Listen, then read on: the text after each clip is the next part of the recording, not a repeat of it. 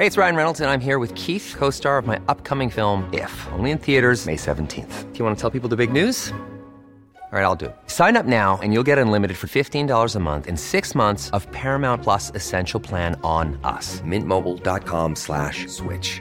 Upfront payment of $45 equivalent to $15 per month. Unlimited over 40 gigabytes per month. Face lower speeds. Videos at 480p. Active Mint customers by 531.24 get six months of Paramount Plus Essential Plan. Auto renews after six months. Offer ends May 31st, 2024. Separate Paramount Plus registration required. Terms and conditions apply if rated PG. I'm Sandra, and I'm just the professional your small business was looking for. But you didn't hire me because you didn't use LinkedIn jobs. LinkedIn has professionals you can't find anywhere else, including those who aren't actively looking for a new job but might be open to the perfect role, like me. In a given month, over 70% of LinkedIn users don't visit other leading job sites. So if you're not looking on LinkedIn, you'll miss out on great candidates like Sandra. Start hiring professionals like a professional. Post your free job on linkedin.com/people today. Even when we're on a budget, we still deserve nice things. Quince is a place to scoop up stunning high-end goods for 50 to 80% less than similar brands. They have buttery soft cashmere sweaters starting at $50, luxurious Italian leather bags, and so much more. Plus, Quince only works with factories that use safe, ethical, and responsible manufacturing. Get the high-end goods you'll love without the high price tag with Quince. Go to quince.com slash style for free shipping and 365-day returns.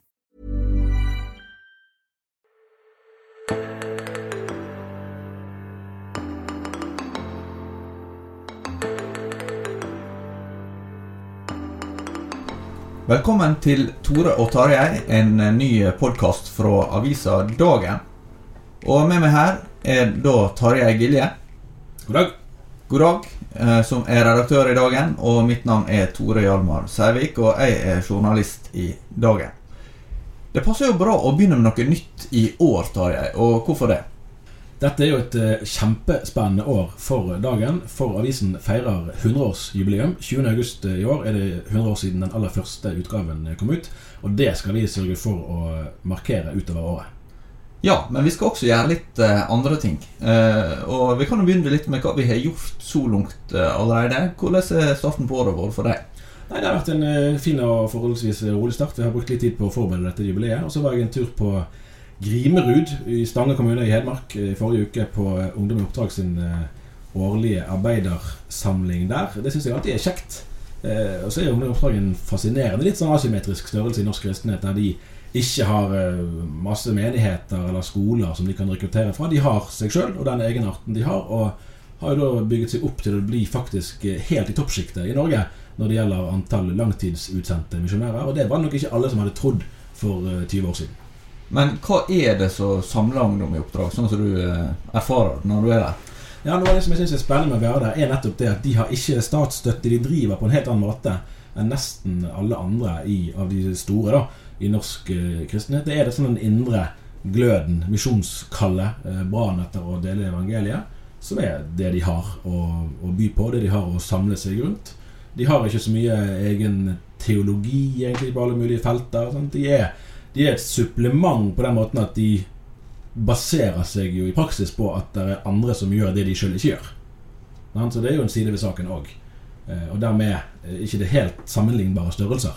Men, men det er noe med livet der eh, som jeg syns er spennende. Og så er det jo noe med òg når en pionerbevegelse begynner å bli litt eldre, så må de vise at de kan ikke bare være ivrige. De må òg ha noen forankring, noen røtter, og trekke linjer tilbake igjen for å kunne trekke linjer fremover. Hvem er det som kommer dit?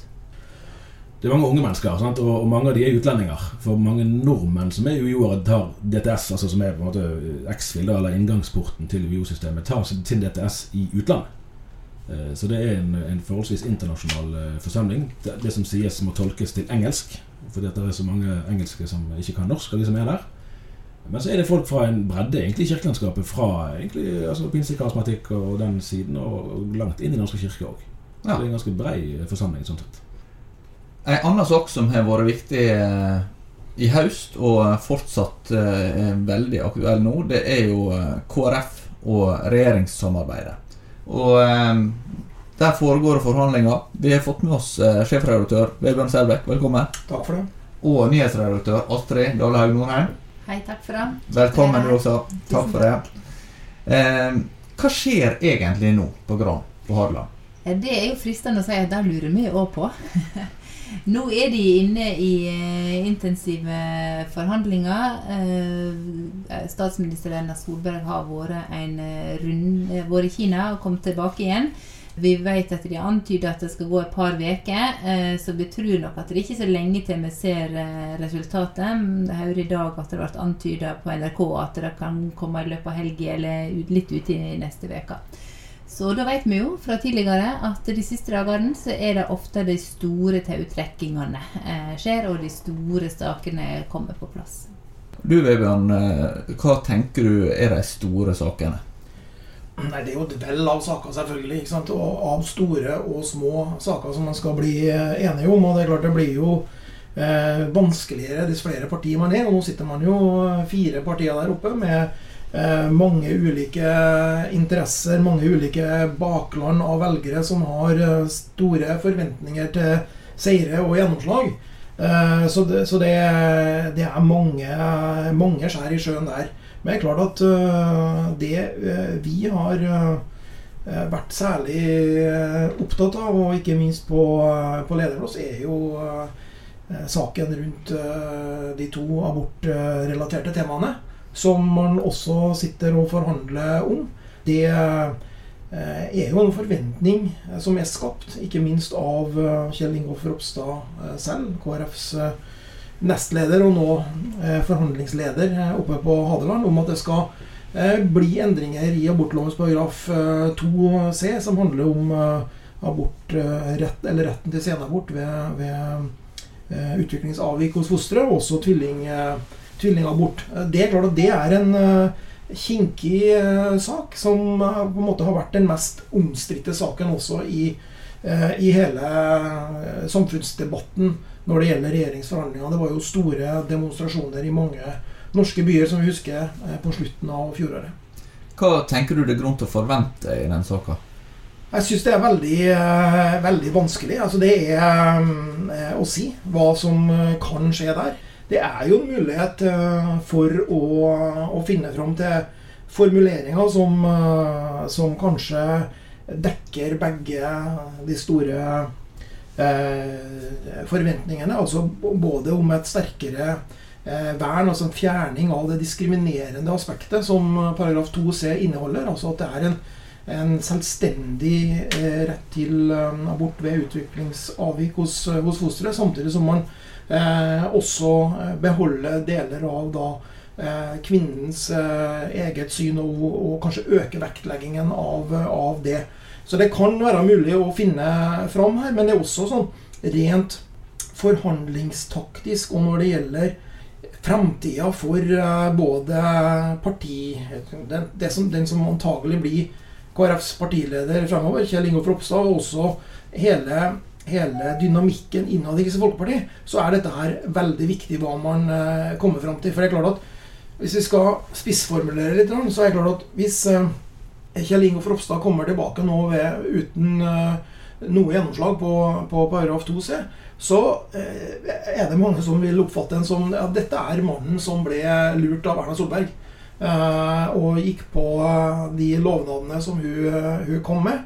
Eh, alternativt kan han eh, bli eh, oppfatta som han som klarte å på en måte sette ned en grense på det når det gjelder sorteringssamfunnet og det videre utviklinga der. Så det òg tror jeg kommer til å bety mye for, for hele dynamikken i, i KrF, og også i regjeringa. Så det er veldig spennende, dette her. Mm. Hvordan opplever du Tarjei, at debatten om dette har utvikla seg fra regjeringsforhandlingene? Eller det begynte regjeringsspørsmålet kom opp for alvor i KrF? Ja. Noen eh, mente jo rundt, eh, rundt eh, Hareide sin tale til landsstyret at eh, dette var en debatt som KrF burde tatt for lenge siden. At de burde tatt dette valget for lenge siden. Det kan man jo finne gode argumenter for, men man kan jo egentlig òg si det motsatt. At dette er det valget de for ikke må ta. Altså Verken Høyre eller Venstre, fordi at det partiet er helt avhengig av å ha oppslutning begge veier for å ha en størrelse, i hvert fall i dagens situasjon. Eh, og, og når vi fulgte debatten i, altså fra september og da frem mot landsmøtet i november og til dels etterpå, så det er i hvert fall ikke opplagt at det, at det er grunn til å vente noen sånn noen ras av nye velgere. Eh, sånn, og meningsmålingene så langt tyder jo heller ikke i det hele tatt eh, på det. Sånn at det er et parti som fremdeles er i en veldig vanskelig situasjon internt. Um, og det her eh, nye nettverket som har eh, tatt navnet tatt boktitlene til både Dagfinn Høybråten og Knut Arild Hareide samtidig. Godt gjort. Eh, Det er ikke opplagt at det vil bidra til forsoning, akkurat. Astrid, hva opplever du er de viktigste sakene hvis vi ser bort fra 2C for KrF nå? Nei, Det vil jo selvfølgelig være en, en helhetlig løsning. Og ikke minst tror jeg det er veldig viktig for dem å få gjennomslag for en barne- og familiepakke. Eh, men jeg tror nok at det er viktig for de å kanskje få ministerposter eh, der de kan følge med et mandat til å gjøre større endringer. Eh, F.eks. at man da får en sånn en barnefamilieminister, eh, der man får inn igjen ordet familie i statsrådstittelen, men der det òg følger med et mandat å gjøre større endringer på flere felt. Eh, Det tror jeg vil være en av eh, delene. I, tillegg så har man jo saker som eh, klima, eh, innvandringsspørsmålet er selvfølgelig betent. eh, Og vil nok være gjenstand for tautrekking langt ut i helga og kanskje helt til siste slutt. Eh, Men eh, totalt sett så må de komme ut med en pakke der de både får, eh, får vise seg fram, får vise fram politikken sin, får gjøre større endringer, men òg får noen mindre symbolsaker som er lette og gode å selge inn til velgere, potensielle velgere. Hvem er de potensielle velgerne? Er dere noen tanker om det? For KrF? Ja. Ja, men jeg, jeg, jeg, har, jo, jeg har jo tro på at uh, det å komme i regjering uh, er en positiv ting for, eh, for KrF. Altså det, det um, Og det, det mener jeg egentlig. Uh, også om det hadde, hadde blitt en rød- rød-grønn regjering. For det er noe med å, å på en måte eh, være dømt til, til evig, en evig tilværelse i opposisjon, det er på en måte veldig sånn eh, motsatt av alt det politikken handler om. Det handler jo om å komme i posisjon. Det handler om å også få Når det gjelder å, å nå ut til, til, til velgerne, så handler det jo også om å, å vise fram det mannskapet som man har. Eh, Det å få statsråder, statssekretærer, kunne ta eierskap til visse politikkområder, være med og forme debatten der, det tror jeg er veldig viktig. Og klart at, eh, at barne- og familieområdet har jo vært eh, viktig for KrF. Har skaffa KrF historisk sett velgere velgere, nådd eh, ut til nye grupper. Eh, da særlig kontantstøtten, som var en, eh, var en vinnersak. Det er klart at Barnereformen barnereform som vi snakker om her nå, det, er jo, det ligger jo i tida. Eh, statsministeren snakka jo om, eh, veldig mye om dette behovet for å dels å få flere barn her i Norge, men også legge til rette for at eh, det skal kunne skje. At man også skal kunne få økonomiske ordninger som gjør det mulig å få barn tidligere. Ikke sant? Også eh, Alderen på, på kvinner når man får sitt første barn, også, går også opp. Så Det tror jeg er, er en veldig, kan være en, en viktig eh, sak. Kan være en gruppe, altså småbarnsforeldre kan være en, en, en gruppe der KrF kan, eh, kan markere seg og få nye velgere. Det jeg, ja, det jeg tror er at uh, mange har en forventning om at uh, KrF skal få en utviklingsminister eller bistandsminister.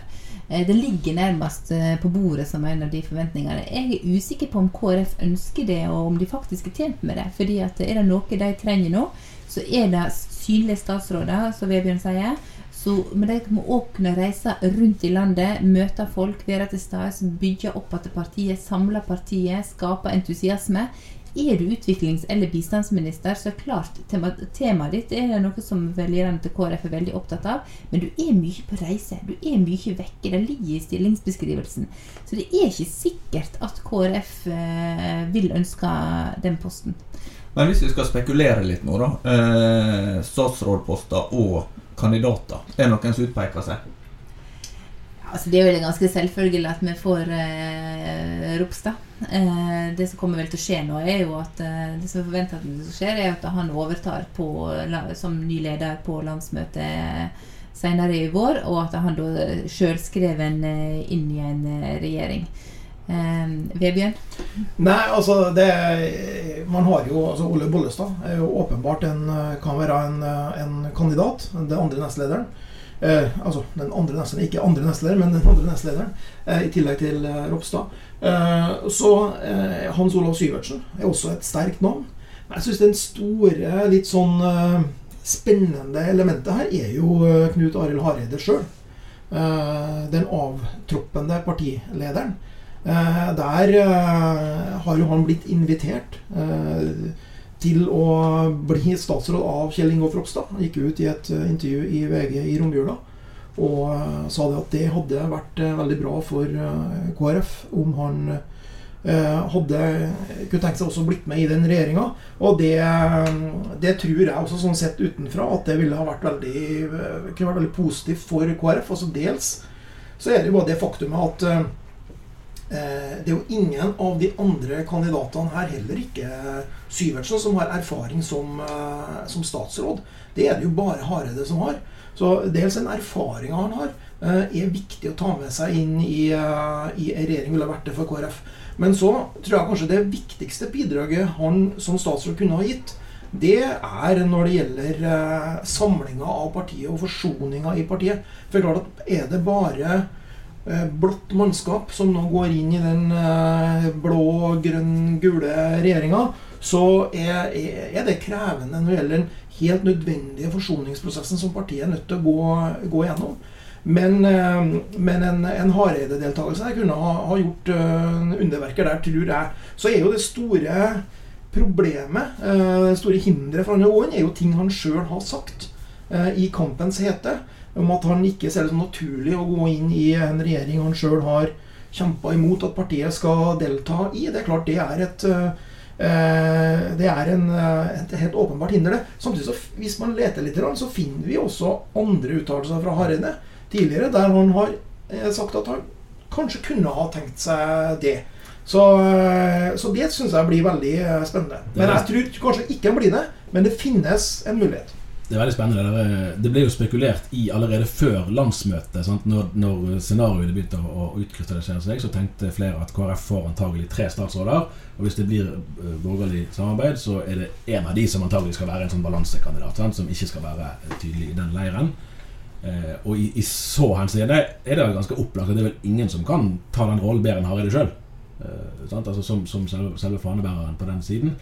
Eh, samtidig så har jo han i løpet av høsten fått en veldig Han var populær før, men han har jo virkelig fått en høy standing hos mange for å ha vært rakrygget. Sant? Og for å stå for det han mente, og for å gå ned.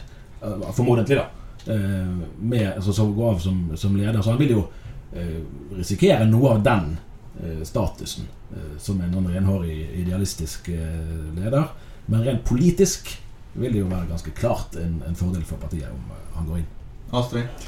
Eh, en ting er statsråder, og det kan være flere enn de vi har nevnt her. Eh, men det som òg gjør noe med partiet, er å gå inn i regjering, er alle de som da skal bekle rollene som statssekretærer og politiske rådgivere i ulike departement. Eh, det er en eh, utrolig viktig organisasjonsbygging eh, å ha mange yngre folk som går inn i sånne roller.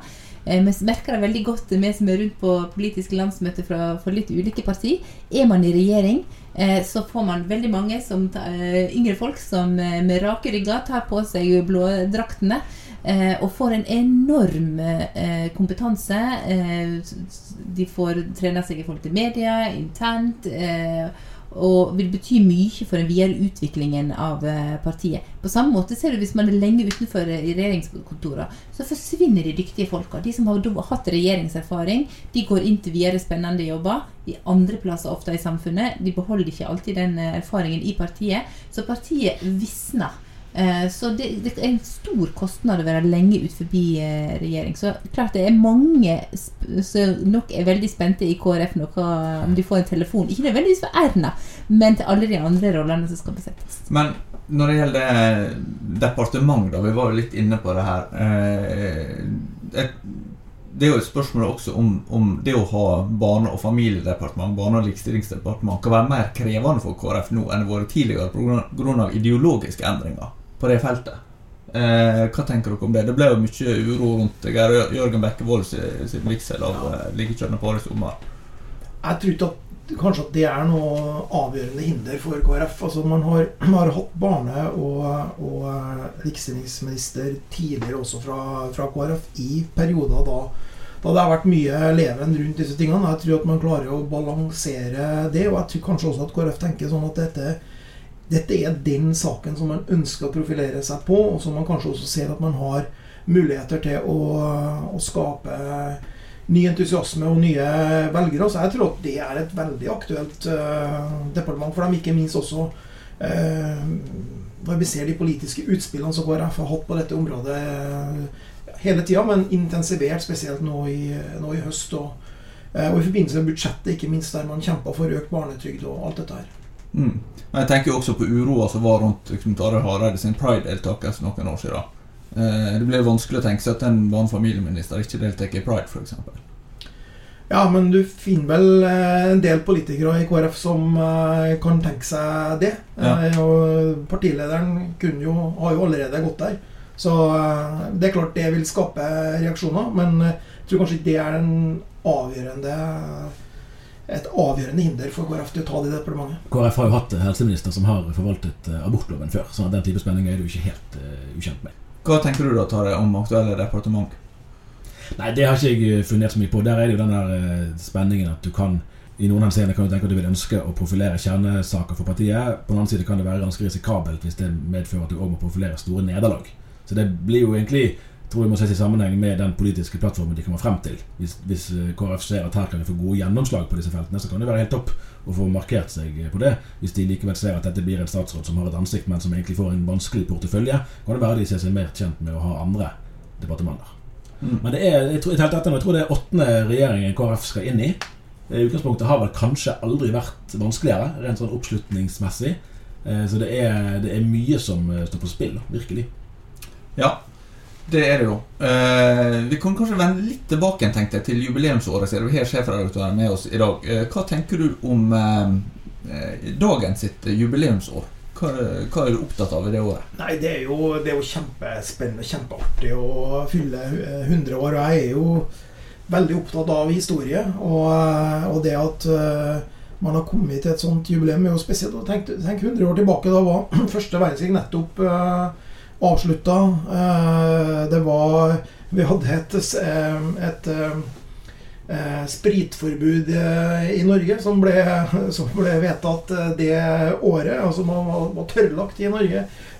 Det var, det var, over 30 år til staten Israel skulle bli oppretta. Altså, det setter det litt i perspektiv. Ting som vi er opptatt av i dag og skriver om i dag, det var Eh, det fantes ikke da. Det, det kunne ikke, man kunne ikke tenke seg inn i det. Og det, det syns jeg gjør eh, Det gjør meg litt sånn uh, ydmyk da, over å, å, på en måte sette litt inn i det perspektivet der. Så gir det oss jo fantastiske muligheter. Altså Dette skal jo være et år der vi skal eh, markere oss.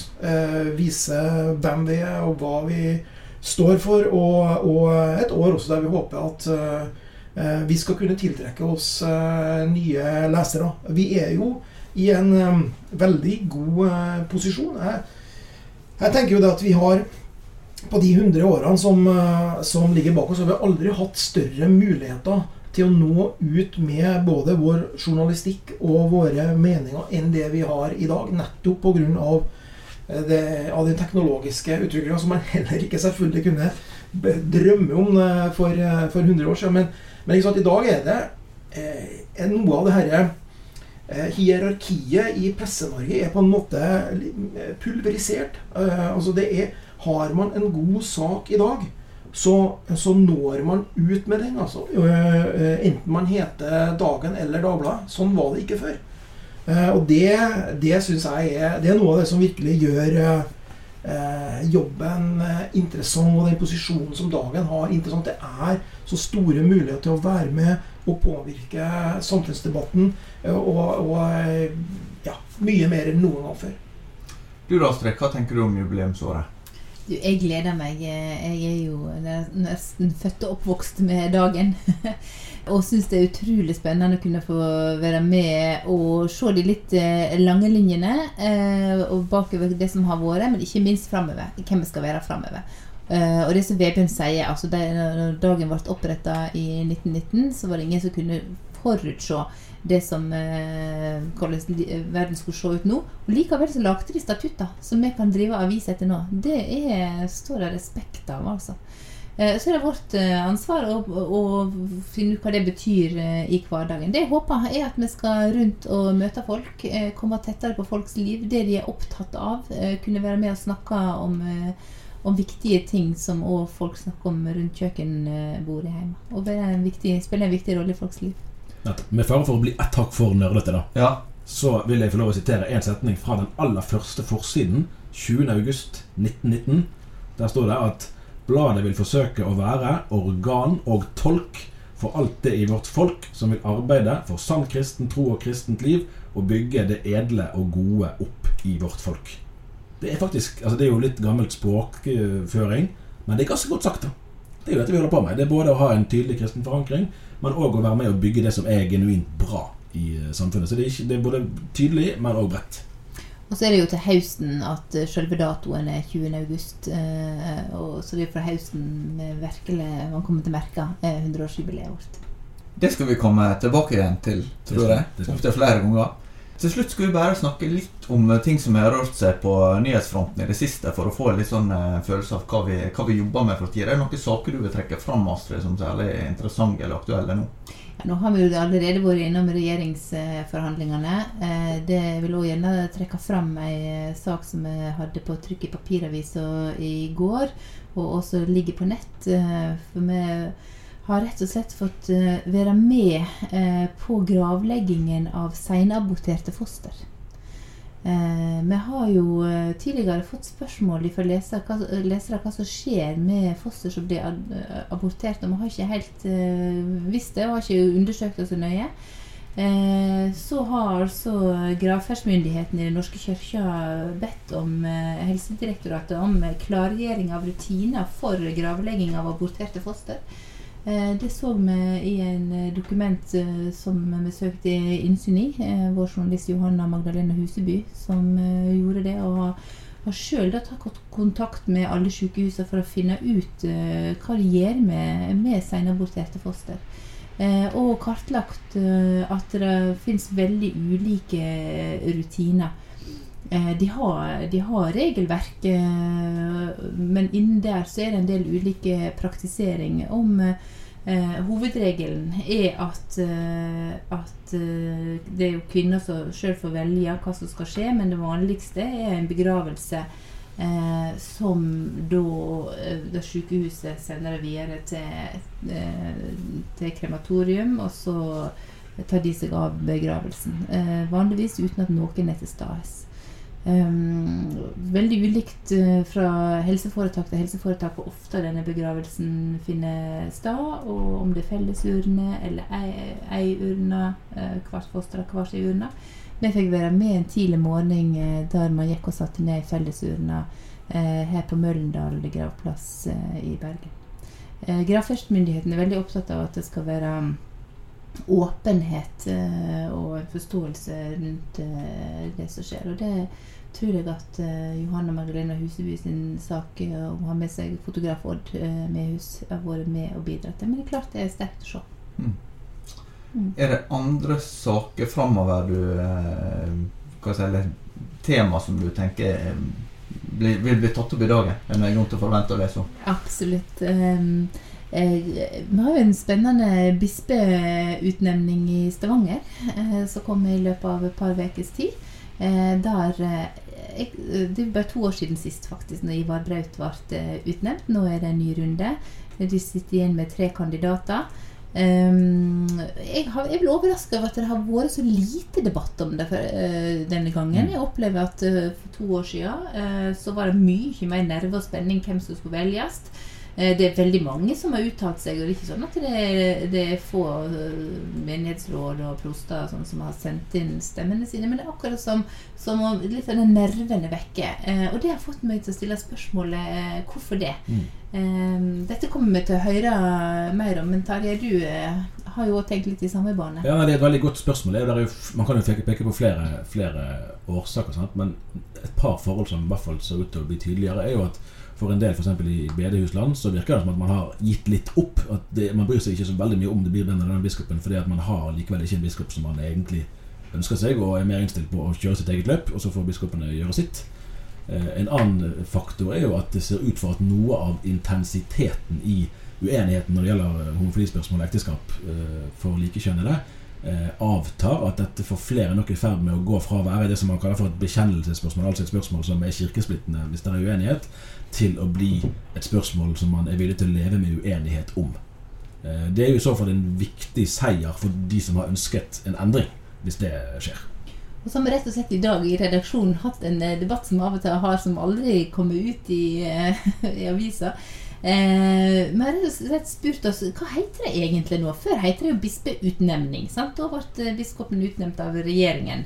Kongen i statsråd. Men hva heter det nå? Når Kirka sjøl og Kirkerådet ansetter eller utpeker. Så jeg har sjekka litt i dokument, og jeg ser at Kirkerådet sine dokument eh, bruker begrepet utpeking av biskop. Eh, mens eh, når man omtaler det, så snakker man om ansettelse av biskopen. Så det driver vi å lure litt på. Hva begrep skal vi bruke? Forhåpentligvis finner vi svar før deadline i dag.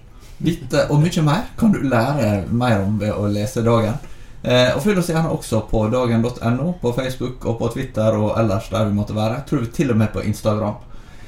Eh, og det var det vi rakk for i dag. Takk for at du hørte på. Takk til Astrid Vebjørn. Tarjei og jeg er tilbake igjen om ikke lenge. Følg med, følg med. Ha det godt.